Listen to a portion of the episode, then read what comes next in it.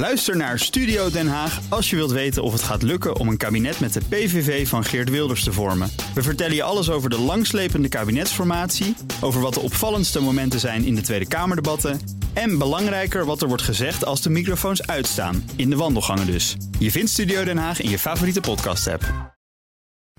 De column van Jaap Jansen.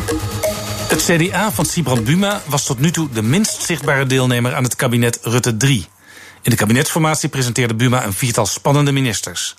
Met vicepremier Hugo de Jonge en minister van Financiën Wopke Hoekstra nam de CDA-leider zelfs het risico dat hij zelf uiteindelijk een stap terug moet doen. De Jonge werd bij binnenkomst al getipt als toekomstig CDA-aanvoerder. En Hoekstra lijkt de vicepremier nu zelfs te overvleugelen als erkend leider in Europa. Afgelopen weekend portretteerde de krant van de eurozone, de Frankfurter Allgemeine Zeitung, hem in een lovend pagina groot artikel. Met het toekomstig leiderschap van het CDA zit het dus wel goed. Maar waar is het CDA zelf? De VVD is via premier Mark Rutte en Klaas Proefballonnen Dijkhoff voortdurend in het nieuws. Bij D66 leidt het vertrek van Alexander Pechtold in peilingen niet tot verder verlies. Met pleidooien voor stevige uitvoering van het klimaatbeleid weet Rob Jetten zich verzekerd van aandacht. En zelfs de kleinste partner, de ChristenUnie, is stabiel en herkenbaar. Vroeger, toen het CDA bijna altijd regeerde en de premier leverde, was de rol van de fractie helder. Ze moest het kabinet ondersteunen en zelf geen kabaal maken. Maar die dominante positie is ver verleden tijd. Om politiek te overleven moet ook de CDA-fractie herkenbaar aanwezig zijn in het politieke landschap. Afgelopen maanden begon het onder CDA-leden te wringen. De ministers doen het goed, maar waar is de fractie?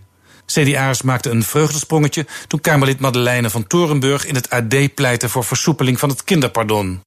Al sinds het regeerakkoord hadden veel CDA'ers moeite met het taboe hierop.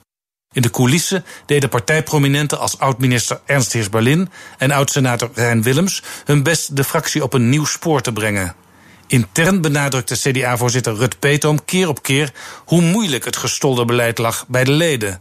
Zeker nadat onderzoek liet zien hoe zwaar het uitwerkt op de psyche van een kind. En nadat de Europese rechter Nederland maande de regels op onderdelen aan te passen. Volgens het CDA, gesteund door D66 en de ChristenUnie, is dit een nieuwe realiteit binnen het regeerakkoord. Intussen houdt de VVD van Dijkhoff en staatssecretaris Mark Harbers stoïcijns vast aan de letter van dat regeerakkoord. Pas half juni komt er een onafhankelijk advies. Dat betekent dat de reactie van het kabinet pas na de zomer in het parlement besproken kan worden.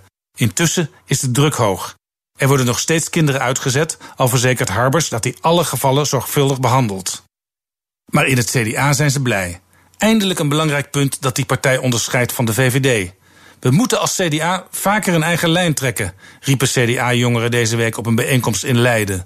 Rut Peetoom, die over twee weken afscheid neemt, beaamde dat daar van harte.